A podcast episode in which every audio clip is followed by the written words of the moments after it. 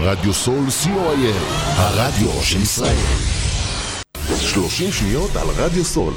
רדיו סול היא תחנת הרדיו האינטרנטית הגדולה בארץ, המשדרת 24 שעות ביממה, מונה 36 שדרנים, ועוברת בשם הוויזואלי. רדיו סול משדר במגוון סגנונות מוזיקה, מגוון גדול של תוכניות, אקטואליה, תרבות, הופעות live באולפן, מיסטיקה ודרך חיים, יהדות וסקירת אירועים הישר מהשטח. ניתן להאזין לרדיו סול באפליקציית רדיו סול ישראל או באתר האינטרנט radiosol.co.il רדיו סול co.il הרדיו של ישראל עמותת קול נותן, המרכז לסיוע חברתי. עמותת קול נותן מסייעת למשפחות נזקקות, חיילים בודדים, נוער, נוער בסיכון, אנשים עם מוגבלויות וצרכים מיוחדים. העמותה מקימה תוכניות סיוע והעשרה בתחום התקשורת והמוזיקה, ומקרבת בין תרבויות במגזרים השונים. תרומתכם קטנה כגדולה, יכולה לסייע לאלפי אנשים. לתרומות חייגו עוד היום, 03-677-36-36. עמותת קול נותן, המרכז לסיוע חברתי. קול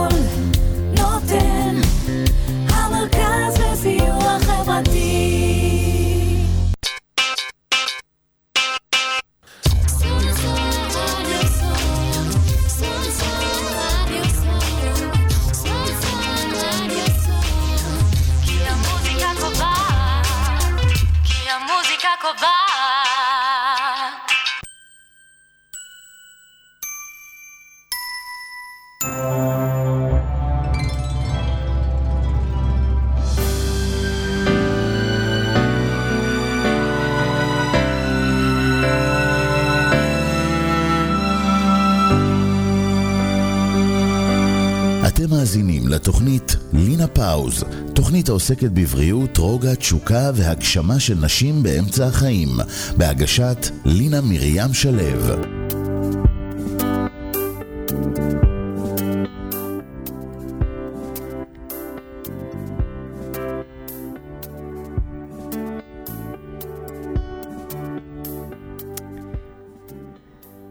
את פוקחת עיניים, מתבוננת בשעון. ישנת שעתיים, אולי שעתיים וחצי, ואת ערנית כאילו עכשיו בוקר. ערנית בראש, אבל עייפה ומותשת בגוף. את מתהפכת במיטה, הלוך ושוב. הסדינים רטובים מזיעה. את מחליפה אותם, מנסה להירדם. איזה? לא מתאפקת ומהתסכול פותחת את הנייד. מרפרפת על הפיד בפייסבוק. עוברת על המיילים בג'ימייל. עוברות שעתיים נוספות. את צריכה לקום מוקדם. את מנסה לחזור לישון, ובסוף מצליחה רק לקראת הבוקר. בבוקר את קמה כמו אחרי מלחמה. ישנת במצטבר אולי ארבע שעות.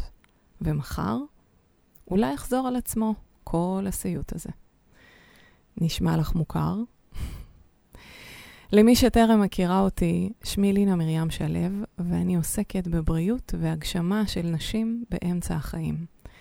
אני עוזרת לנשים אחרי 40 להבין את מה שעובר עליהן, למצוא שקט ואיזון בתוך הכאוס, להתחבר מחדש לתשוקה. בהכשרתי אני רפלקסולוגית בכירה, עובדת סוציאלית, הילרית ומרפאה בקול. אני מטפלת בקליניקה מקסימה בחדרה וגם אונליין. תוכנית לינה פאוז נועדה להנגיש ידע וכלים לניהול טוב יותר של התקופה הזאת, כדי שתהפוך להיות עבורנו שער לצמיחה והתפתחות.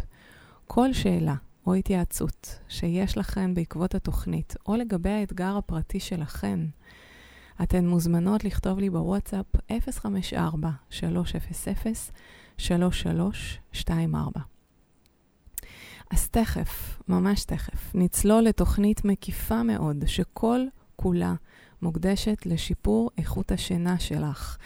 ואם את, כמו יהודית רביץ, בארבע לפנות בוקר, לא נרדמת ולבד, קשה לך ממש ללכת לישון, אז הישארי איתי.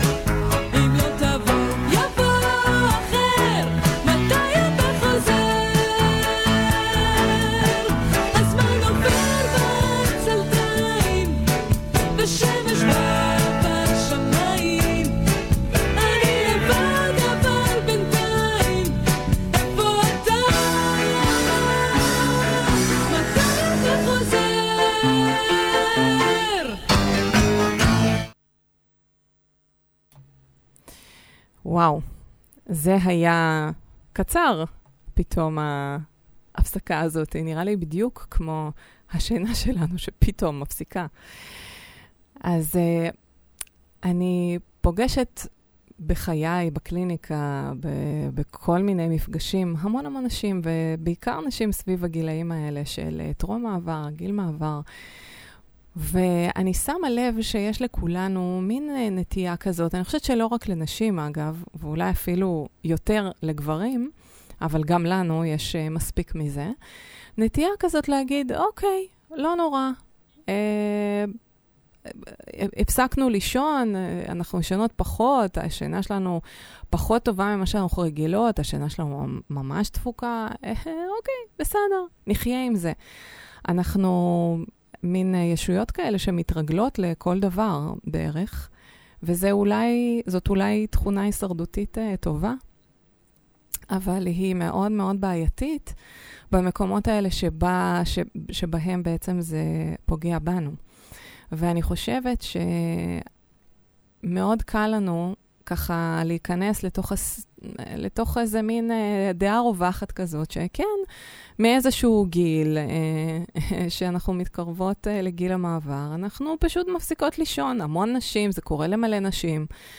אז חלק גדול מאיתנו פשוט קצת מוותר על העניין הזה, מתרגל איכשהו לחיות עם זה, אז משלימות בצהריים, אז שותות יותר קפה, מסתדרות. ואני היום, אחת המטרות שלי היא שמי שמקשיבה לי, אם את סובלת מקושי בשינה, גם אם הוא לא מאוד דרמטי עדיין, וגם אם הוא כן, לא לוותר לעצמך במקום הזה, לא לוותר על עצמך.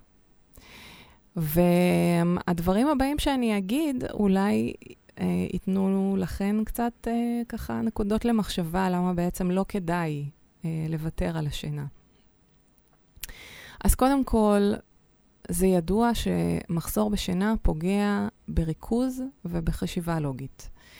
וכולנו, רובנו, אוקיי? בבוקר, אחרי הלילה הזה ללא שינה, קמות לעבודה. קמות לעבודה וצריכות לתפקד, ובדרך כלל, מכיוון שאנחנו בעולם מערבי, מצופה מאיתנו לתפקד uh, כרגיל.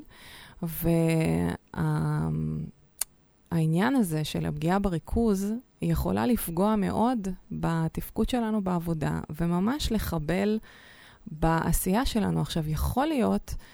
רובנו נשים מאוד מתוחכמות ויודעות לפתח כל מיני מנגנוני פיצוי, אז אולי נפתח כל מיני מנגנוני פיצוי על העניין הזה, או נבקש עזרה, או...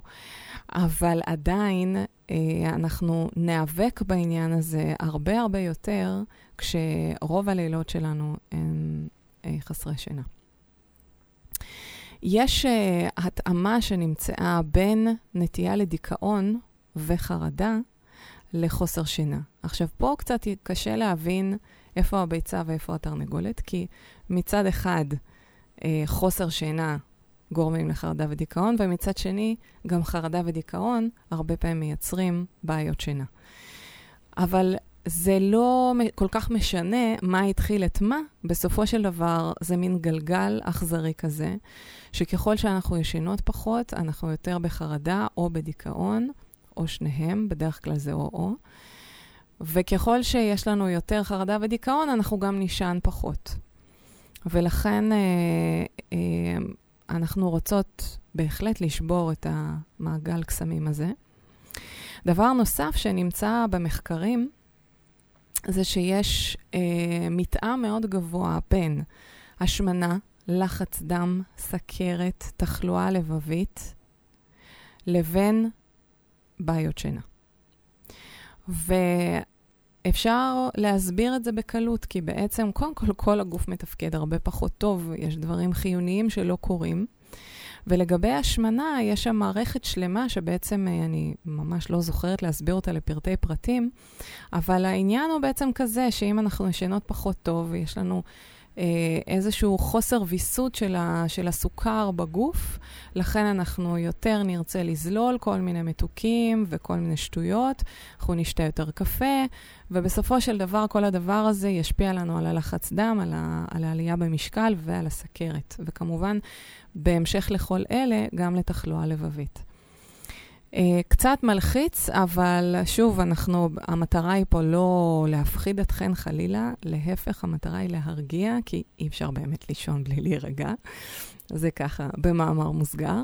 אבל כן חשוב שנבין שזה שאנחנו לא ישנות, זה לא... אוקיי, אז אנחנו קצת עייפות, קצת יותר uh, מתוסכלות מזה, אבל לא נורא, בסדר, אנחנו נשרוד את זה. לא. זה משפיע עלינו בצורה משמעותית מאוד על הבריאות שלנו. יש גם, אה, יש בעצם ככה כמה, שתי סיבות מרכזיות ש...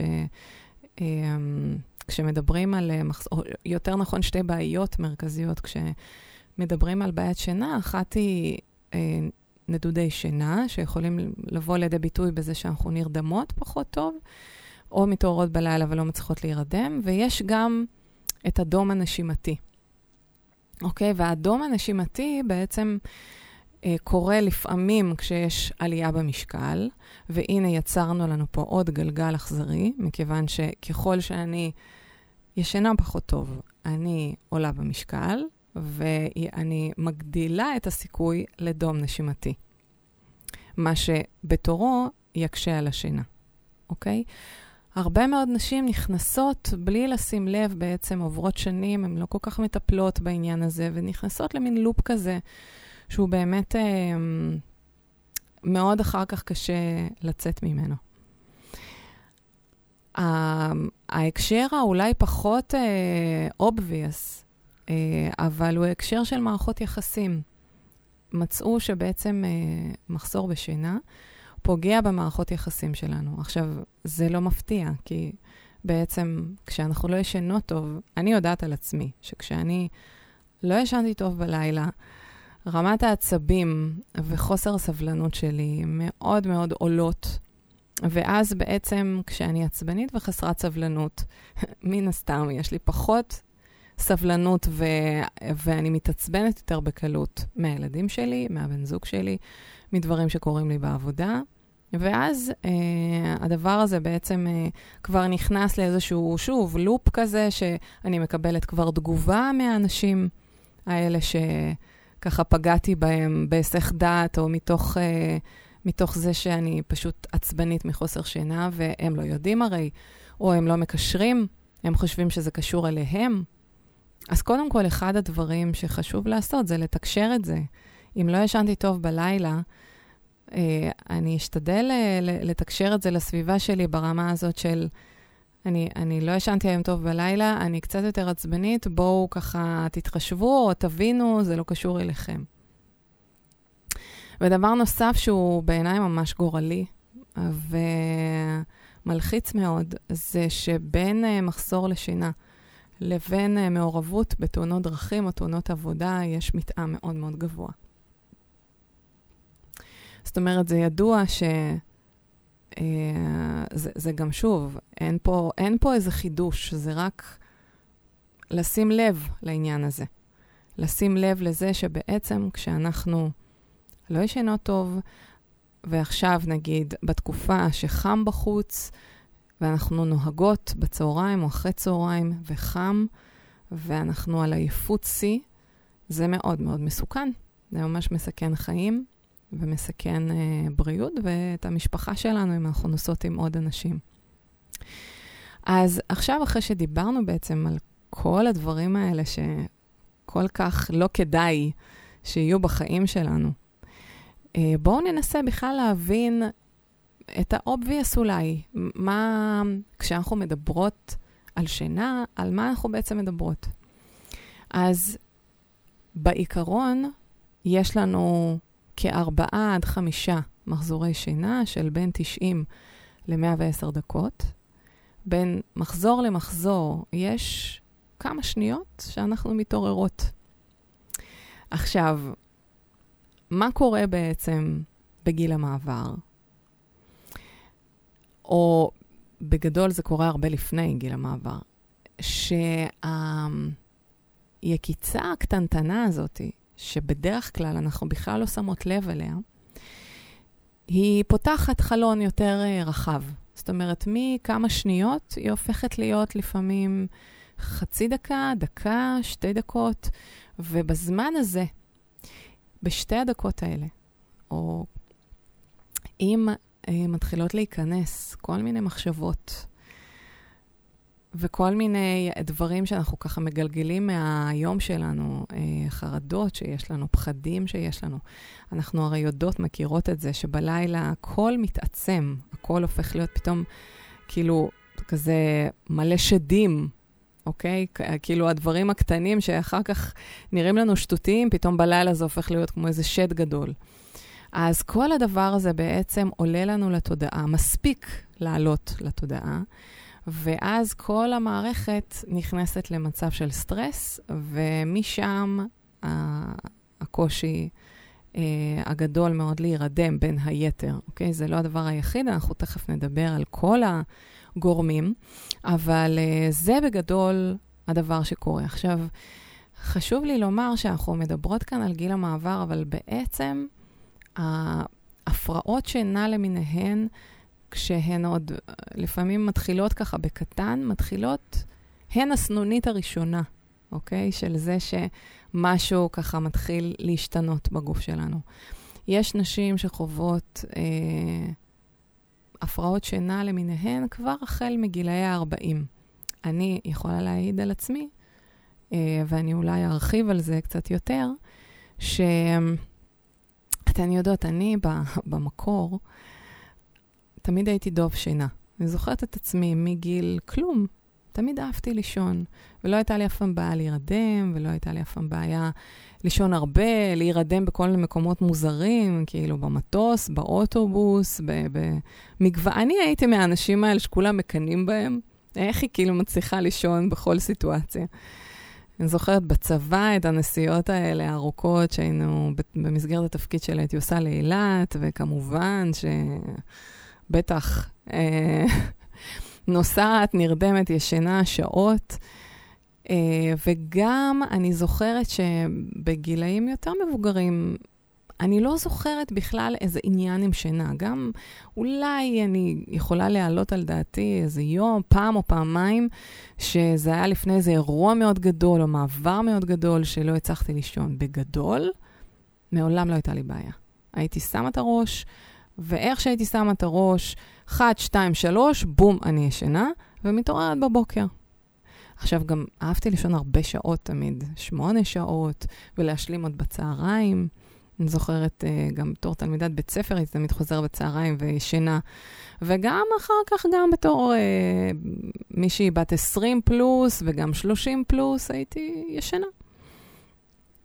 ואז הגיעו הילדים, וזאת הפעם הראשונה שבעצם נשללה ממני השינה. והילדים שלי שהיו בריאים, הם לא אהבו לישון. הם ממש לא אהבו לישון, בטוחה שחלקכן תזדהו עם זה מאוד. ילדים שבאמת, כאילו, כל 20 דקות, במיוחד הקטן שלי, זה היה יום, לילה, כל 20 דקות הילד מתעורר. אני חשבתי שאני מאבדת השפיות. זאת אומרת, אני הייתי בן אדם, אני לא הייתי בן אדם, הייתי זומבי מהלך. ואני יודעת שאני פה לא נופלת על אה, אוזניים ערלות, אני יודעת שחלקכן הגדול עברתם uh, את התקופות האלה. אבל גם כשזה נגמר, אני חזרתי לישון טוב. זאת אומרת, כשהילדים כבר ישנו לילה שלם, אני ישנתי לילה שלם. ו... ואז בעצם uh, מתישהו סביב גיל ה-40, uh, זה היה גם uh, כזה במקביל למשבר במערכת הזוגית שלי, ובמקביל לעוד כל מיני דברים, ולכן באמת ייחסתי את זה על הסטרס וללחץ. אה, התחלתי להרגיש שמשהו לא פחות עובד. זאת אומרת, אני פתאום מתעוררת בלילה, פתאום קשה לי להירדם, פתאום אני ישנה פחות, פתאום אני קמה יותר עייפה בבוקר. זאת אומרת, משהו נדפק לי בשינה, ליטרלי, ממש נדפק לי בשינה. ובגלל שאני אדם שכל כך זקוק לשינה וכל כך אוהב שינה, אז באמת התחלתי לחקור את הנושא הזה יותר לעומק, ואני חושבת שככה אלה גם השנים פחות או יותר שהתחלתי לטפל בנשים בגילי מעבר, וקלטתי שזה סיפור מאוד מאוד משמעותי של נשים בגיל המעבר, ואני עוד לא הייתי בגיל המעבר, אני רק התחלתי ככה בקטנות את ה... את הטיפות הראשונות, מה שנקרא, של שינויים הורמונליים של גיל טרום מעבר, וכבר שם הרגשתי את השיבוש ואמרתי לעצמי, אוי ואבוי, אז כשאני אגיע לגיל מעבר, מה יהיה? אני בכלל אפסיק לישון. ולכן זה ככה נושא שבאמת התעסקתי בו גם ביני לביני. אה, במאמר מוסגר אני יכולה להגיד שהצלחתי לשפר מאוד משמעותית את השינה שלי. אז נכון, היא לא חזרה להיות כמו שהיא הייתה בגיל 20, אבל מאותה תקופה שהשינה השתבשה עליי, מה שנקרא, והיום יש הבדל מאוד מאוד משמעותי, וזה ככה בזכות כל מיני דברים שאני אספר לכם גם היום. וגם באמת, אני עובדת עם הרבה מאוד נשים שנמצאות בגיל המעבר, ואני חייבת לומר שנכון שזה, שזה לא דבר פשוט. זאת אומרת, יכול להיות שאני, כל הדברים שאני אספר לכם היום, אתן כבר עושות, או תעשו, ועדיין זה לא יעזור. אני לא מבטיחה כאן אה, הבטחות וגני שושנים, אבל אני יודעת שיש מספיק אה, כלים. אנחנו גם בשיחה היום ניגע בכל הדרכים האפשריות לטפל בעניין השינה, ו, אה, ואני חושבת ששווה לנסות את הכל ולהשקיע בזה את הזמן ולמצוא את הדבר שעובד לכן, ולא לוותר על השינה שלכן כמה שאפשר. אוקיי? זה בגדול המסר הכללי של uh, השיחה שלנו היום. אתן יודעות, uh, בהמשך לסיפור הזה שסיפרתי לכן, אני קלטתי בעצם כמה השינה שלנו, שתמיד תפסתי אותה כמשהו מובן מאליו, זאת אומרת, לא היה לי שם איזה שהן שאלות. פשוט נכנסתי למיטה וישנתי, כאילו, מה הסיפור הגדול? זה היה נראה לי משהו טבעי, משהו רגיל, משהו שלא צריך להתאמץ עליו או לחשוב עליו. ואנחנו יודעות כולנו שכשמשהו נלקח מאיתנו, אנחנו פתאום מתחילות להבין שהדבר הזה הוא לא בהכרח מובן מאליו.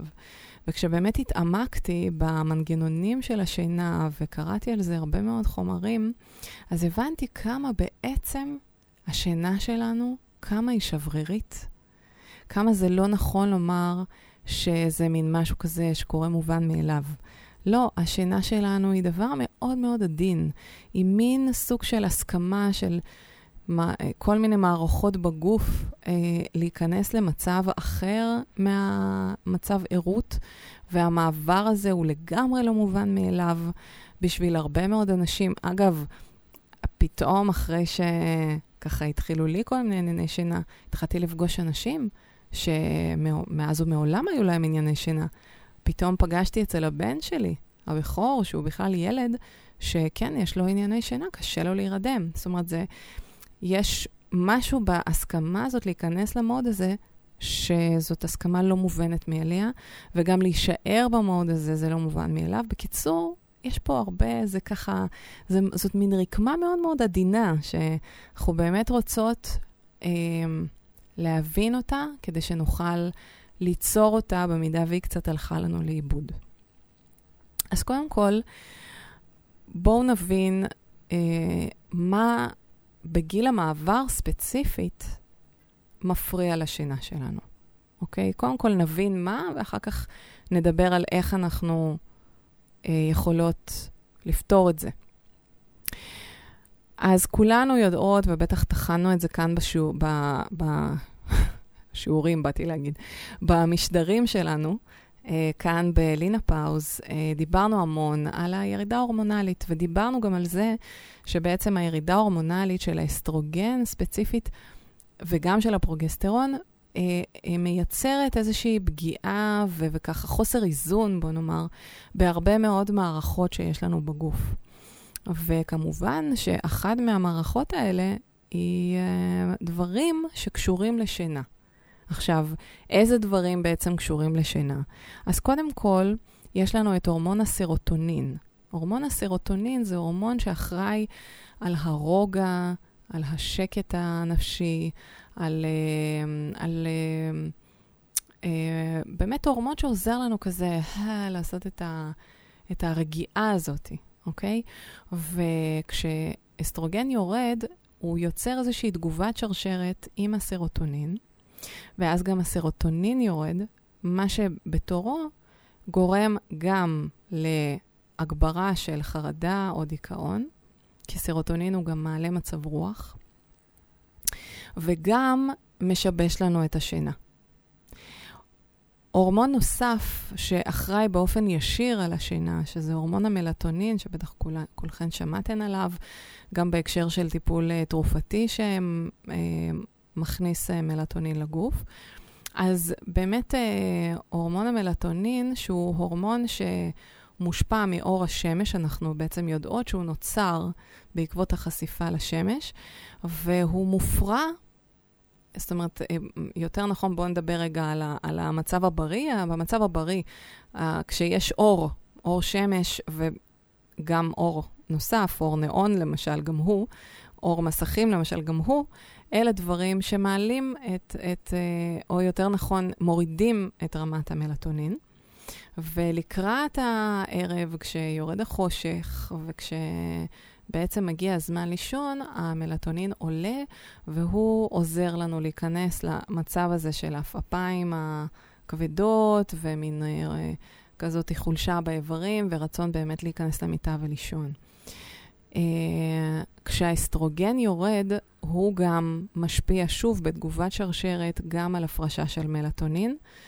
Uh, המלטונין יורד לנו עם הגיל בכל מקרה, הוא יורד אצל כל האנשים, גם אצל, נגיד, אצל אנשים מבוגרים, אפשר לראות שהם ישנים פחות במהלך הלילה, וככה מנמנמים יותר במהלך היום. אבל מה שקורה בגיל המעבר זה שבגלל שהירידה של האסטרוגן היא מאוד קיצונית, אז הורמון המלטונין יורד גם בצורה די קיצונית, עלול לרדת בצורה די קיצונית, ולכן אה, גם זה מייצר את הפגיעה בשינה. אה, גם חוסר איזון של בלוטת התריס, שגם על זה אנחנו דיברנו כאן בעצם באחת התוכניות, אפילו בכמה, שיש קשר בין בלוטת התריס והתפקוד שלה לבין גיל המעבר. אז גם הירידה של אה, ככה הפגיעה בבלוטת התריס, או הירידה של, אה, של תפקוד של בלוטת התריס, או חוסר איזון של בלוטת התריס, בהחלט יכולים להשפיע לנו על השינה. וגם, ופה אני ככה נכנסת לתחום שאני יודעת שברמה הרפואית הוא טיפה שנוי במחלוקת, אבל כן יש אה, שיח כזה שמדבר בעצם על בלוטת אדרנל שלנו, אוקיי? שכיוון שאנחנו כולנו חיים בכזה אה, מצב אה, דחק תמידי, אז בלוטת האדרנל שלנו, שאחראית על הפרשת הורמונים שקשורים בעצם למצב דחק, כמו קורטיזול ואדרנלין, אז הבלוטה הזאת נשחקת, אוקיי? היא בעצם עובדת פחות טוב עם הגיל. אפשר לשקם אותה, אגב, ואני ממליצה לכן להאזין לתוכנית, אחת התוכניות הממש אחרונות שהיו לנו. הייתה פה תוכנית עם אה, אה, מירב, שהיא נטורופטית, ו... וככה, אנחנו ממש דיברנו בהרחבה על העניין הזה של איך אפשר לשקם את uh, בלוטת האדרנל. אבל כשבלוטת האדרנל uh, שחוקה, אז יש כמה דברים שקורים. גם אנחנו בעצם יותר, uh, יותר רגישות, יותר עצבניות, מערכת העצבים שלנו יותר מעוררת בעין. ו, וגם זה בפני עצמו בעצם יכול אה, לפגוע בשינה שלנו. כי אם מערכת העצבים שלנו נהיית יותר ערנית לכל דבר, אז כל רעש קטן, כל תזוזה, כל משהו קטן, אנחנו ישר אה, קופצות. אני לא יודעת אם אתן מכירות את, ה... את התופעה הזאת, שבעצם אנחנו באמצע הלילה פתאום קורה איזה משהו, וכל הגוף שלנו נדרך, ואנחנו כאילו, יש כמו זריקה של אה, אדרנלין לתוך, ה... לתוך הגוף, ואנחנו פתאום כזה, כזה מין, ואחר כך לכי תירדמי. אוקיי? אז זה בעצם גם אה, קורה אה, גם בגלל בלוטת האדרנל שנשחקת לנו עם השנים. כל אלה, בעצם, ש... הדברים האלה שדיברנו עליהם, הם רק הגורמים הראשוניים, זאת אומרת, המיידיים שפוגעים לנו בשינה, אבל יש גם גורמים משניים, יש גם דברים שבאופן עקיף בעצם פוגעים בשינה שלנו. ובואו נדבר על גלי חום. זאת אומרת, אה, אם באמצע הלילה אה, האישה מתעוררת והיא כל כולה מזיעה, וכל הסדין שלה והבגדים שלה והכל רטוב. ואחר כך היא צריכה להחליף סדין, להחליף איזה, לשים מזגן, לכבות מזגן, קר לה, חם לה, כל הדבר, הפרוצדורה הזאת, היא בעצם מוציאה אותנו לחלוטין מהשינה. עכשיו, יש נשים שחוות גל חום לפעמים פעמיים, שלוש בלילה. אז כאילו, איזה מין לילה זה כבר, לא נשאר שום דבר מהלילה, עוד מהרגע שסידרתי את הכל והחלפתי את המצעים, או אני לא יודעת, את החולצה, וחזרתי לישון, עד שהצלחתי להירדם, ועוד פעם גל חום, וזה בעצם לילה בלי שינה. דבר uh, נוסף שיכול uh, לפגוע לנו בשינה, זה שלפוחית השתן שלנו, כן? Uh, אנחנו יודעות שבעצם עם הגיל, uh, השלפוחית לפעמים קצת נהיית יותר חלשה, קצת נו, אה, משנה מיקום, לוחצת, או, או הרחם לוחצת עליה, או יש כל מיני, בקיצור, שינויים באזור האגן, ואז אה, השלפוחית שלנו יכולה להריץ אותנו לשירותים. זאת אומרת, פתאום אנחנו באמצע הלילה, פעמיים שלוש, רצות לשירותים, וכל ריצה כזאת, שוב, מוציאה אותנו מהווייב הזה של השינה. אה, ודבר נוסף שממש חשוב לי לדבר עליו, והוא באמת משהו שככה אני מעמיקה לתוכו הרבה, ורואה גם את ההשפעה שלו בתוך הקליניקה, זה המשברים הרגשיים והמנטליים שיש לנו בגיל המעבר. זאת אומרת, זה משהו שהרבה פעמים אנחנו לא לוקחות בחשבון, שאם עברנו... אה, מוות של אדם קרוב, אם עברנו גירושין, אם עברנו אה, פיטורין אם הבן שלנו יתגייס לצבא ואנחנו נורא דואגות, כל סוג של משבר או דחק מתמשך או דבר כזה, משפיע מאוד על כל המערכות, אבל בין המערכות הראשונות הוא ישפיע על השינה. ולכן כשאנחנו מדברות על טיפול בענייני שינה, אז מאוד מאוד חשוב, באמת, אחד הדברים החשובים בעיניי, זה להבין שלא באנו כאן לכבות שריפות, אוקיי? זה הדבר הראשון, הכי חשוב. אנחנו לא רוצות אה, לקחת איזה צמח ששמענו עליו, או לקחת איזה כדור, או, או, או לעשות מין אה, משהו כזה, לסתום, מה שנקרא, את הפה של הדבר הזה, ואם זה איכשהו עובד, אז יאללה, ניחא. לא. אני חושבת שהפרעת שינה בגיל המעבר זה לא משהו שחייב להיות ככה נכון. השינה תהיה פחות אולי מדהימה ממה שאנחנו זוכרות בגיל 30, אבל אנחנו יכולות להביא אותה למקסימום, לרמה שאנחנו נקום בבוקר ובכל זאת נרגיש שאנחנו יכולות uh, לעבור את היום הזה בשלום ובסבבה ובמצב רוח טוב וכולי. ואין סיבה שנוותר על זה מהשיקולים שכבר דיברנו עליהם, ולא רק בגלל שזה פוגע באיכות החיים שלנו, שזה אגב סיבה מספקת, אבל זה פוגע גם בהמון המון תחומים אחרים שאנחנו בכלל לפעמים לא מקשרות. ולכן אני אה, מאמינה מאוד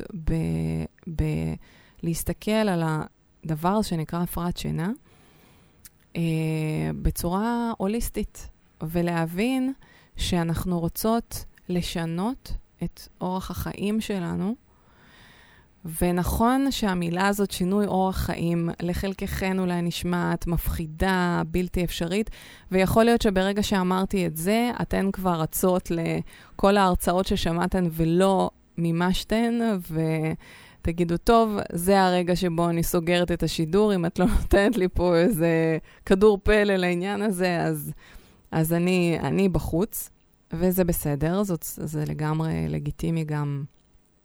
גם, אני אמשיך לאהוב אתכן, מבטיחה. אבל אני חושבת שאין באמת פתרונות קסם.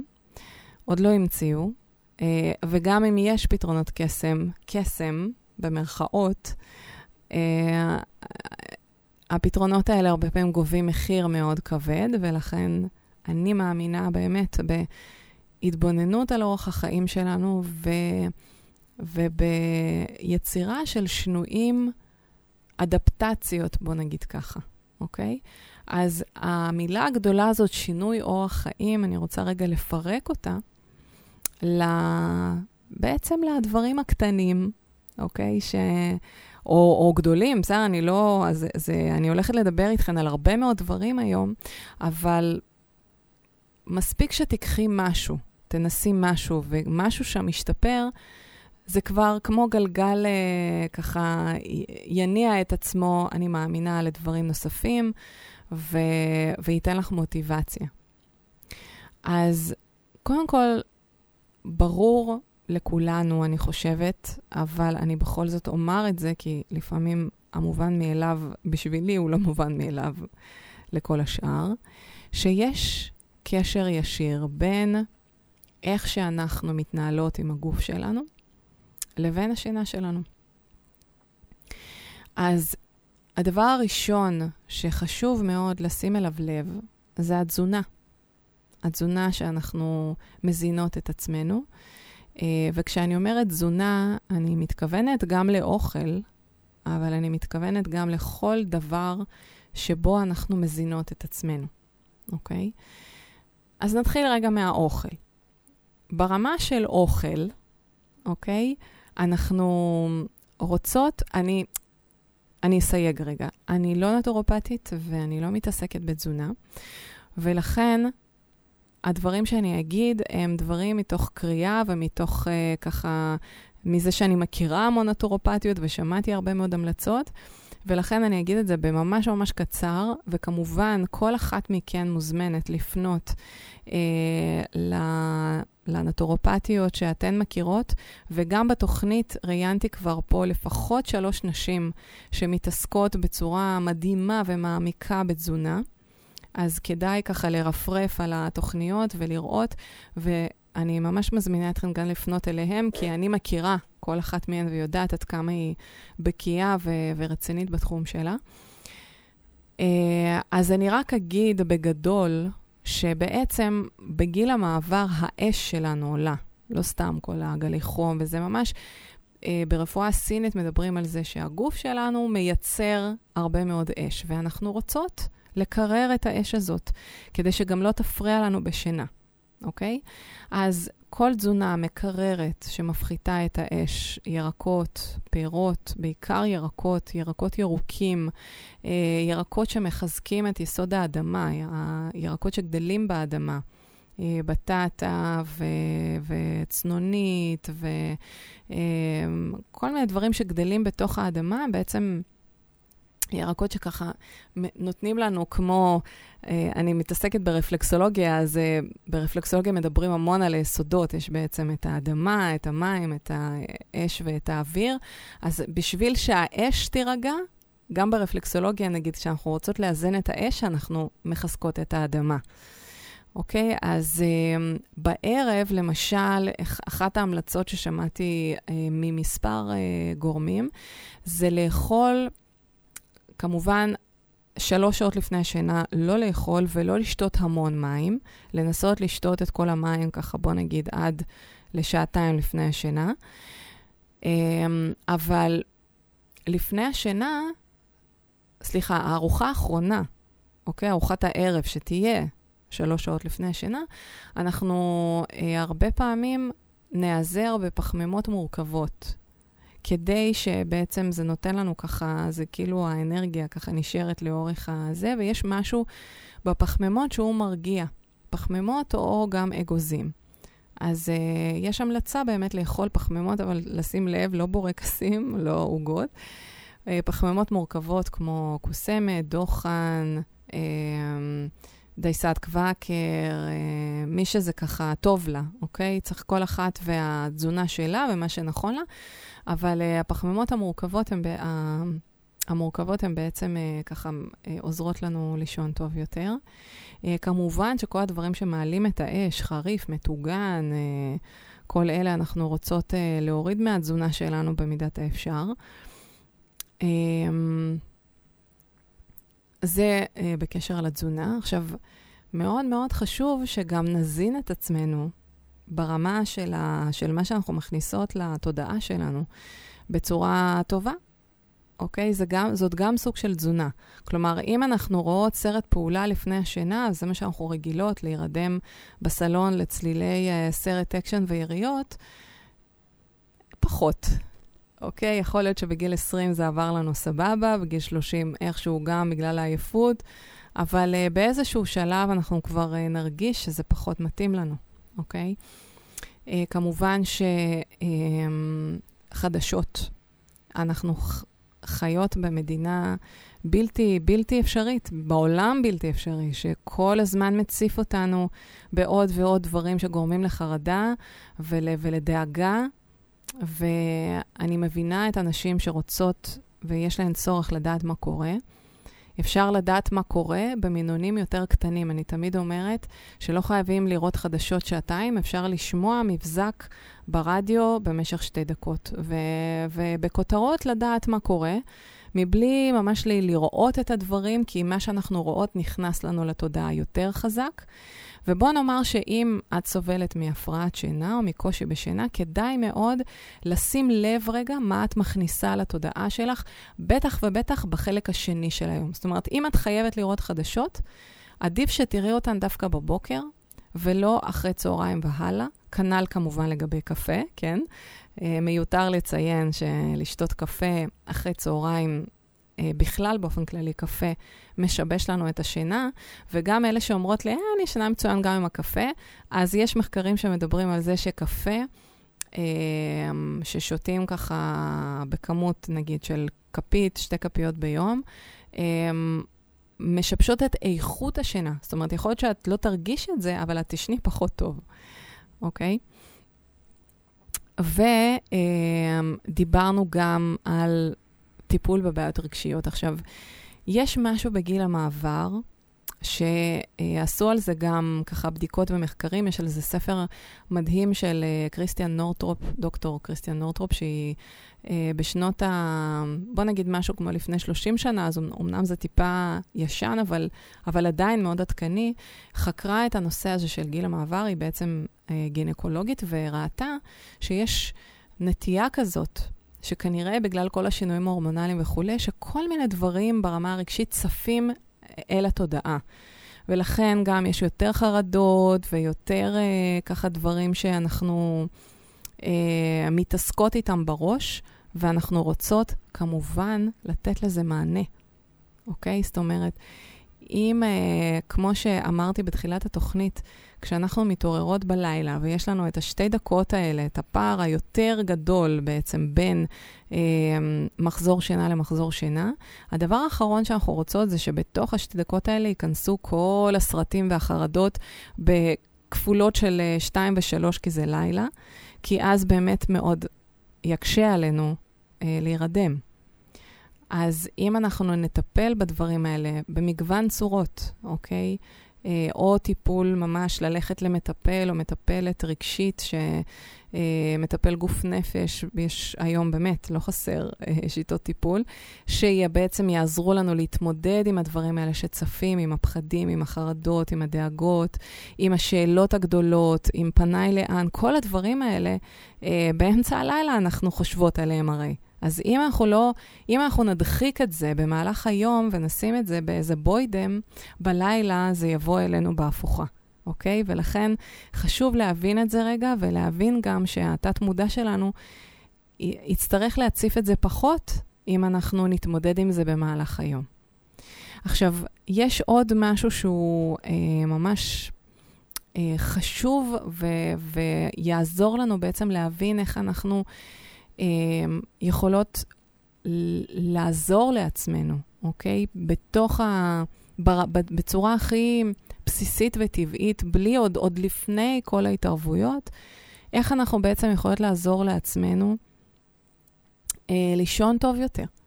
אז מ- אה, מעבר לדברים שאמרתי, יש לנו בעצם עצב בגוף שנקרא עצב הווגוס, שהוא מתחיל ממש מגזע המוח ומגיע עד למטה, עובר דרך כל הגוף שלנו, והעצב הזה אחראי על הוויסות הזה של, ה, של הרוגע ו- והלחץ. אוקיי? המערכת הסימפתטית והפרסימפתטית, אנחנו דיברנו על זה. מערכת של, אה, של, שמעוררת את הגוף שלנו להילחם או לברוח או לקפוא או, או להתמודד עם איזושהי סכנה, או המערכת שמאפשרת לגוף שלנו הרפייה ושיקום מערכות וצלילה לתוך שינה. ויש כמה דברים שאפשר לעשות כדי בעצם שנוכל לאזן את ה... לעזור לעצב הווגוס, לשדר לנו לגוף את, ה... את הדברים הטובים, את הרוגע. אז um, יש קודם כל משהו שנקרא טקס שינה. אתן מכירות את הטקס שינה שהיינו עושות לילדים שלנו כשהם היו קטנים? גם אנחנו, בעצם, גם בתור מבוגרים, אם השינה שלנו היא לא, היא, היא ככה קצת אה, מדשדשת, אנחנו זקוקות לאיזשהו טקס קבוע שהגוף שלנו כבר התרגל אליו, שככה אנחנו הולכות לישון. והטקס הזה אמור לכלול כל מיני פעולות שיכולות לעזור לנו להירגע. אני אתן כמה דוגמאות, אוקיי? ואתן מוזמנות לבחור מתוך זה את מה שעובד לכן. אז דבר ראשון, זה בעצם, אה, אנחנו רוצות אה, לעשות איזושהי מקלחת כזאת נעימה. אה, אנחנו רוצות, אה, או לפעמים יש כאלה שדווקא מה שעובד להן זה לא מקלחת, אלא אמבטיה. אה, לשים פיג'מה. אה, למרוח אה, קרמים או לטפ... לעשות איזושהי פעולה של, אה, פעולה של טיפוח. לארגן לנו חדר נעים עם מזג אוויר נעים, זאת אומרת, אם, אם למשל חם מאוד עכשיו בימי הקיץ, אז לא להתקמצן על המזגן, לשים מזגן, לשים בדים גם על עצמנו וגם על המיטה מכותנה או במבוק, דברים טבעיים. לכתוב לפני השינה, ממש שתהיה מחברת כזאת שאתן יכולות אה, לשים את כל המחשבות, דאגות, כל, לשפוך, לשפוך, לשפוך על המחברת הזאת את כל מה שמסתובב לכן בראש. גם לפעמים דברים ש... אוי, נזכרתי במשהו, אני צריכה לעשות את זה ואת זה ואת זה, וכל הדברים האלה, אם אנחנו שמות את זה על הדף, זה מפנה לנו בעצם את המוח ומרגיע לנו את עצב הווגוס. כמובן, אה, נשימה, אוקיי?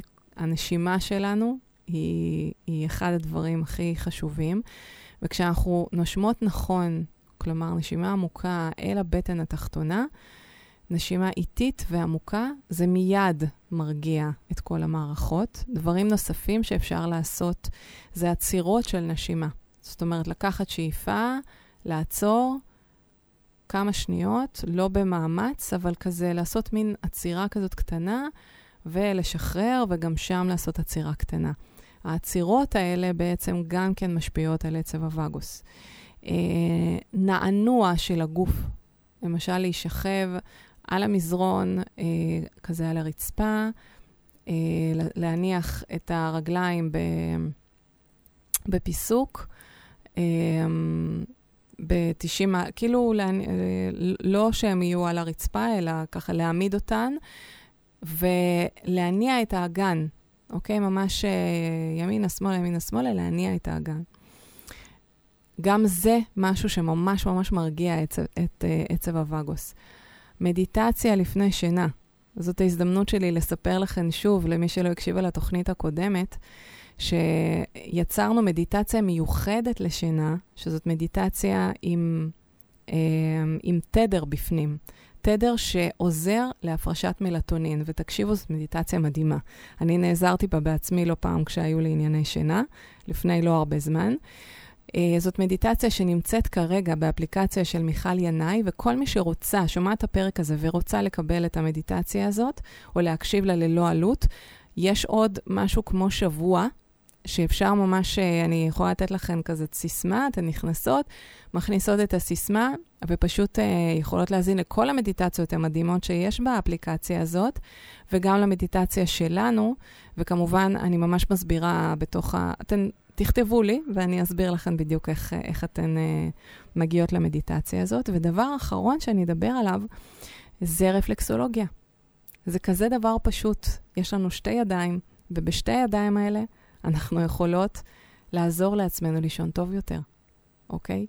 ואפשר להתחיל מעיסוי פשוט, פשוט בלי לדעת כלום, בלי לדעת על מה את נוגעת ובמה את נוגעת.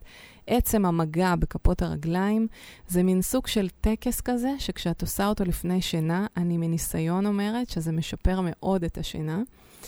ובנוסף, אני יכולה להגיד לכם, למי שרוצה קצת יותר במדויק לעשות, אז ב-25 לשמיני יש uh, סדנה שאני עושה אצלי בבית, היא מוגבלת לעשר נשים בלבד, אבל זאת סדנה שבה אני הולכת ללמד נשים ממש איך הן יכולות לעזור לעצמן בגיל המעבר בעזרת רפלקסולוגיה, וכמובן גם לעזור לעצמן לישון טוב יותר.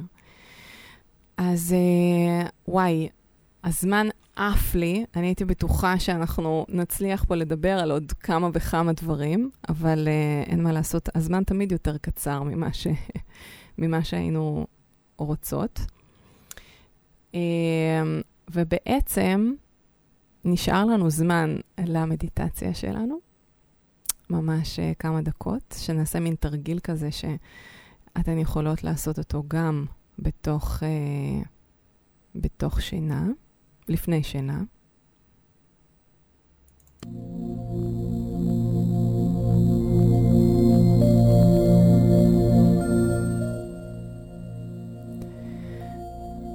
אוקיי.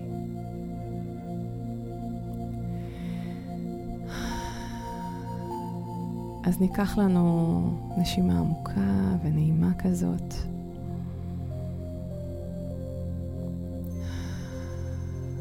והנה התרגיל שאתן יכולות לעשות, שיעזור לכן ללא ספק לישון טוב יותר, מניסיון של הרבה לקוחות שלי, וגם של עצמי. אז אנחנו לוקחות נשימה עמוקה אל הבטן התחתונה, ובקצה השאיפה אנחנו עושות עצירה קטנה. סופרות עד ארבע, ומשחררות את האוויר. וגם בקצה הנשיפה אנחנו עושות עצירה קטנה. ושוב לוקחות שאיפה.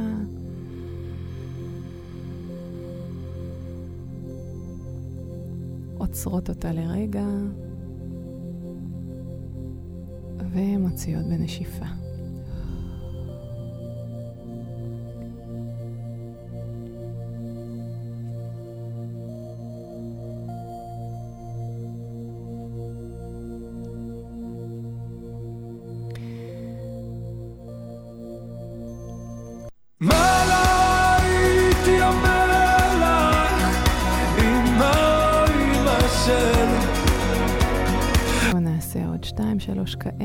כדי שאני שמה לכם שיר מקסים, מקסים, מקסים.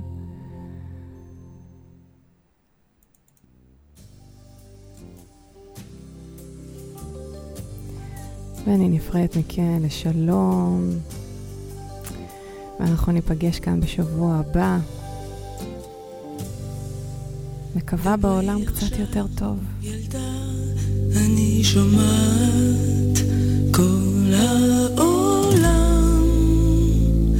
מקשיב למלמולך. דברי מלאך שלי, אני יודעת שלא תמיד הקשיבו לקולך. דברו שפתיים יחפות, דברו עיניים, עוד חלב מחיוכך.